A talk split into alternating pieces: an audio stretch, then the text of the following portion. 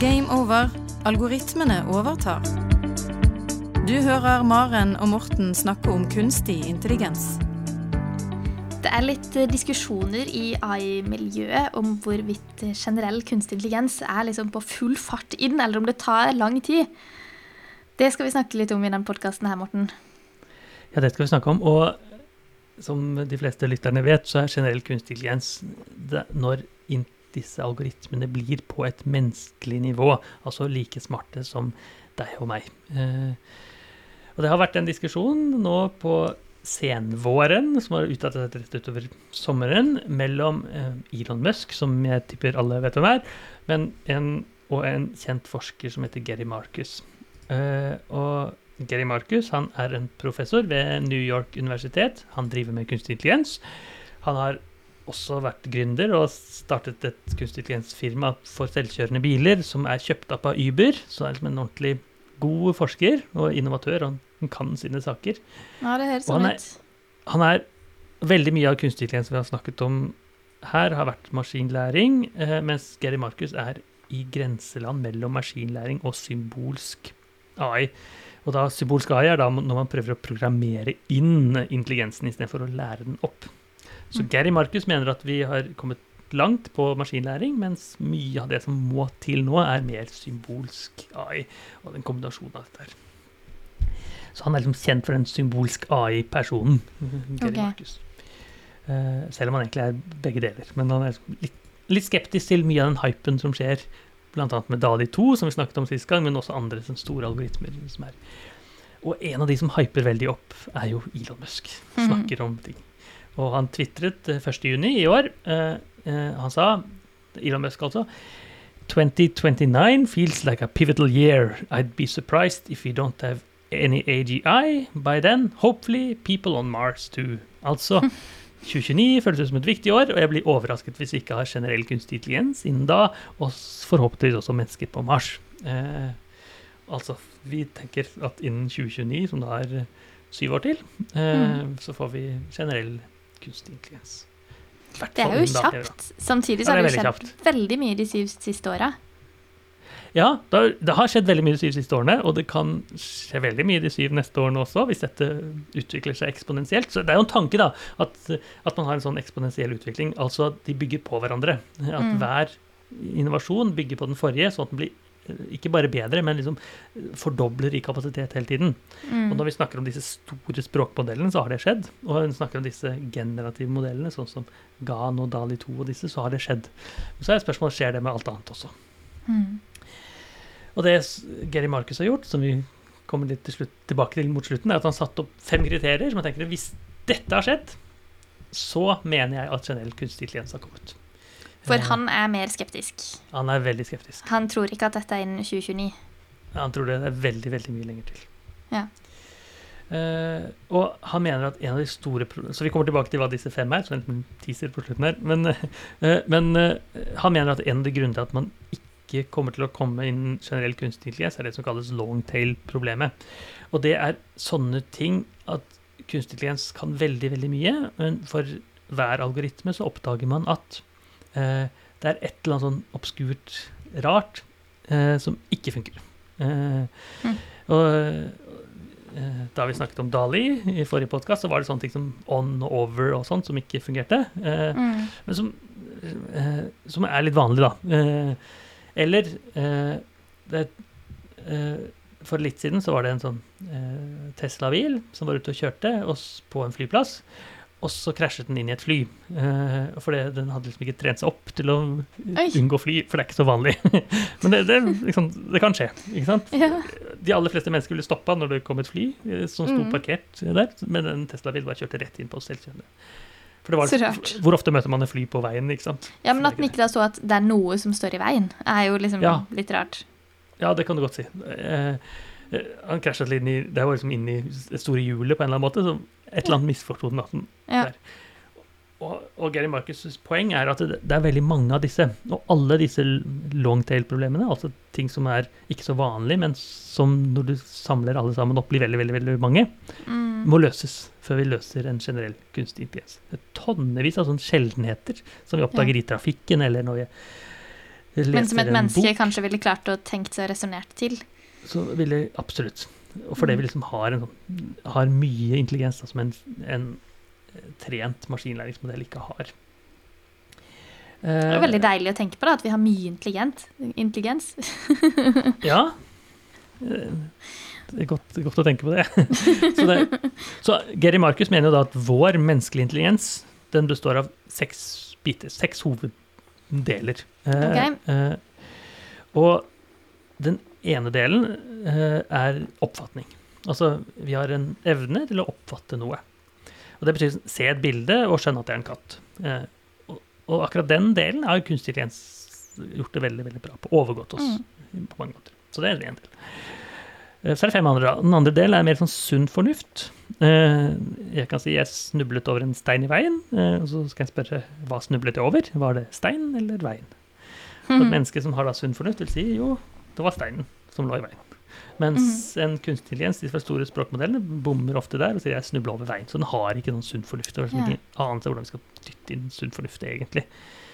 Men så ser vi noen modeller som får liksom litt til det allikevel. Og, så, men sunn fornuft er liksom vagt begrep, mens liksom en del av intelligensen som vi har. Så tredje intelligensen som vi mennesker har, hevder han, er språk. Vi kunne snakke. Vi kan ha en samtale. Og selv om disse store språkmodellene begynner å bli veldig, veldig gode, så er det fremdeles ikke det samme som å snakke. Uh, altså dette som er Turing-testen. ikke sant? Vi kan snakke med en robot og tro at det er et menneske, og da har vi overbevist om at generell kunstig intelligens er som er som gjør én av de seks intelligensnivåene. Mm. Uh, nummer fire uh, er å kunne planlegge fram i tid. Det er liksom velge å legge meg litt til høyre i veien eller venstre i veien, eller gjøre noe sånt. Og her har kunstig intelligens egentlig ganske god, og spesielt i sånne sjakkspill og den type ting. Eh, så kunstig intelligens har altså ikke slått oss på planlegging, men så har i hvert fall gjort det veldig veldig bra i noen områder. da. Mm. Nummer fem er analogi. Eh, vi forstår at noe ligner noe annet. Dette er som en solnedgang, eh, eller vinen eh, smaker himmelsk, f.eks. Hva er himmelsk? Ja. Ikke sant? Det smaker jo ikke som himmelen, ikke sant? men det bare er, er det likevel. Så den analogiforståelsen som han mener er veldig viktig av det å være menneske og fungere som et menneske, eh, har ikke kunstig intelligens. Den forstår ikke eh, vinen smaker som himmelsk. For da tenker den Nei. jo, da smaker den sikkert av litt oksygen og litt hydrogen og sånn. Det gjør den jo ikke. Eh, og siste er da forståelse av argumentasjon. Å bli overbevist av en samtale. Og han mener at vi hele tiden Ja. blir det. Som barn liksom trener det er ikke sånn de gjør det, men det er sånn, osv. Mm. Som kunstig intelligens egentlig ikke kan. Vi må trene opp med, sånn, eh, med data som er godt strukturert. da. Men den lærer jo på en måte rett og galt, men mer med, med belønning og, og tall, på en måte, da. Ja. En overbevisning. Helt, helt, riktig, helt riktig. Så kan du si at det er en form for argumentasjon, da. Men jeg kan liksom ikke Ja, snakke, ikke ja. jeg kan ikke snakke med en kunstig intelligens og si ja, ja, nå syns jeg liksom Nå syns jeg du er eh, litt urettferdig. Nei. Jeg burde ikke fått den reklamen. Eh, I så fall må du gjøre det veldig forklare hvorfor. Ja. Ja, og der er det liksom sånn Der henger ikke den helt med. Så Nei. det er altså de seks intelligensnivåene oppfatning, sunn fornuft, språk, planlegging, analogi og forståelse av argumentasjon. Og han mener da at, det, at generell kunstig intelligens må kunne alle disse. Og i dag kan den oppfatning til viss grad, og den kan til viss grad planlegging. Og de andre er den liksom som et spedbarn i beste fall. Mm. Eh, og da hevder han at dette vil ikke la seg gjøre innen 2029, og har foreslått til Elon Musk at de tar et veddemål på 100 000 dollar, altså nesten en million kroner, Ja. eh, hvis generelt er generell kunstig intelligens har kommet. Hva sa du? Nei, det er kanskje ikke så mye for de. Nei, for Gary Marcus tror jeg det er ganske mye, men for Ok. eh, Elon Musk så tror jeg det er bare ingenting. Nei.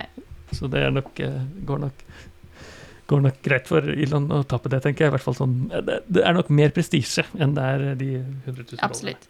Jeg tipper at det er nok I hvert fall for en vanlig professor selv i USA, så er det voldsomt mye penger. Absolutt. Men det Geri Marcus har gjort, da, som er en ganske god genistrek, vil jeg påstå, det er at han har sagt ok, så disse intelligensnivåene fins, men jeg vil ha fem kriterier. Så hvis, det, hvis kunstig intelligens kan gjøre dette, så er jeg overbevist. Disse fem eh, situasjonene. Ok. Eh, og en, så vi kan snakke om hver av de, tenker jeg. Den første situasjonen er at han mener at hvis kunstig intelligens Han mener at innen 2029 så kommer kunstig intelligens ikke til å kunne se en film, en spillefilm, eh, hva nå det er, nyeste Star Wars eller Matrix eller hva som helst, eh, eh, og forstå hva som skjer. Og fortelle det etterpå. Så å spørre sånne ting som eh, hvem er hovedpersonen?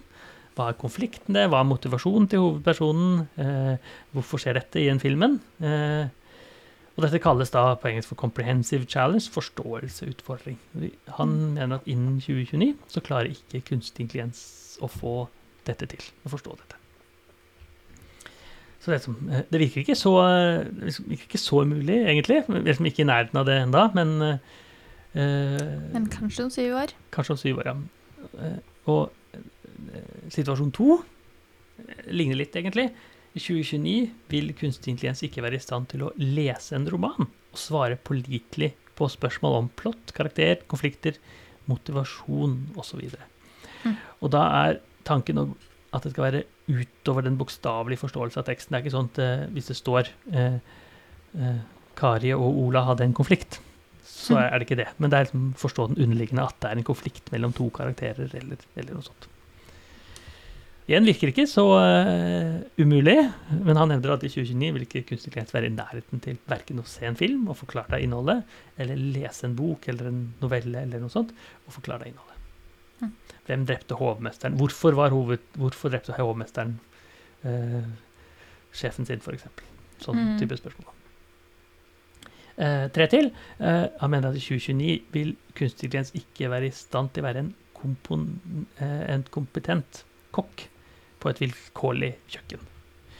Og det, dette er en referanse egentlig til Steve Wozniak, en, en av de lederne på eh, Apple, eh, som var og startet Apple sammen Steve Jobs for lenge siden. Eh, og tanken er da, hvis jeg eh, kommer hjem til deg, og så sier du kan ikke du sette på kaffe? Så jeg har aldri vært på kjøkkenet ditt før, men jeg klarer, klarer sikkert å finne kaffetrakteren. Og jeg klarer å titte i skuffer og finne jo, her er det kaffefilter, og her er det kaffepulver, og så videre. Eh, eller står en kaffemaskin eller koker kaffe. Liksom, uansett hva det er, så skal jeg klare det. Ja. Og det vil alle, nesten alle mennesker som har vært borte i kaffetrakting før, få til. Selv om kaffetrakteren ser annerledes ut, og kanskje er en prøving og feil. Liksom.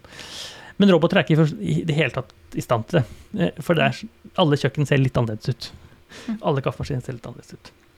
Så hvis det jeg- ikke står på akkurat samme sted og akkurat likt, så Ja. vil den ikke klare det. Ja, Så lenge ikke han er trent opp med liksom de kaffetrakterne, eller lete i skuffen og finne noe som passer, og, og kanskje det, har du to forskjellige filter, for du har liksom litt kaffe og masse kaffe og mye sånt. Så, så Steve Wozniak har da snakket om at det overraskende at eh, datamaskiner ikke kan det, eh, og det er noe som menneskelig kan. Eh, og, og som også er da grunnen til at den ikke fungerer som lærer, f.eks., for, eksempel, for det er som veldig individer som mennesker. Eh, Datamaskin er liksom ikke en lærer, selv om du kan lage læringsprogrammer osv. Men da, og eh, Gary Marcus sier da at innen 2029 så vil vi ikke få en Jeg kan ikke få en robotkokk å lage mat til meg. Eh, du kan selvfølgelig få sånn selvvendingmaskin og sånne type ting, som lager pizza osv., det er ikke noe problem, men det er ikke det samme som å være en kokk og si nå skal jeg ha jeg vil, I dag vil jeg gjerne ha eh, spagetti eh, à la eh, Roma, f.eks. Mm. Neste Ja, så kan du ikke ta den med deg på naboens kjøkken. Nei, eh, nettopp. Eh, Du kan, ja, nå, nå er det vinter og robotkokken. Det er sant. Igjen, ikke, virker ikke så umulig, men liksom, ok. En av de som ikke går an. Og så eh, to situasjoner til. Eh, I 2029 vil kunstig intelligens eh, ikke være i stand til å pålitelig konstruere feilfri kode på mer enn 10 000 linjer fra naturlig språk fra ikke-eksperter. Altså, hvis jeg sier til en eh, robot jeg vil gjerne ha et programkode som eh, ordner billettene for meg på kinoen her, eh, og den skal koste 10 dollar et eller annet, så klarer ikke den å skrive 10 000 linjer kode på det. Og 10 000 linjer kode er et typisk dataprogram, det er selvfølgelig forskjellig størrelse på det. Så vi har jo sett eh, roboter lage enkle datalinjer, sånn 10 linjer, 20 linjer osv., men 10 000 fra en ikke-ekspert eh, er noe helt annet. Ikke sant? Forstå problemet, henge med osv. Mm. Og da er det, øh, presiserer han det å lime sammen kodene fra eksisterende biblioteker ikke godt nok. Det er ikke det han mener. Han mener at altså, jeg sier noe og får en kode generert. Ja.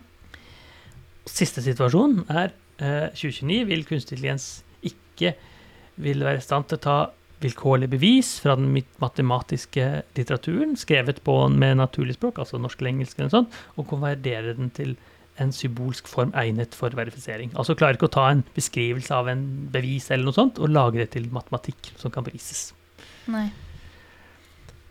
Og for meg så er det sånn ingen av disse er helt umulig, tenker jeg. Men uh, allikevel noe som ikke er i nærheten å gjøre noe det. Og hvis alle disse blir nådd, så har vi definitivt nådd generell kunstig intelligens, hevder Geri Markus. Men han er egentlig litt mer sjenerøs enn som så.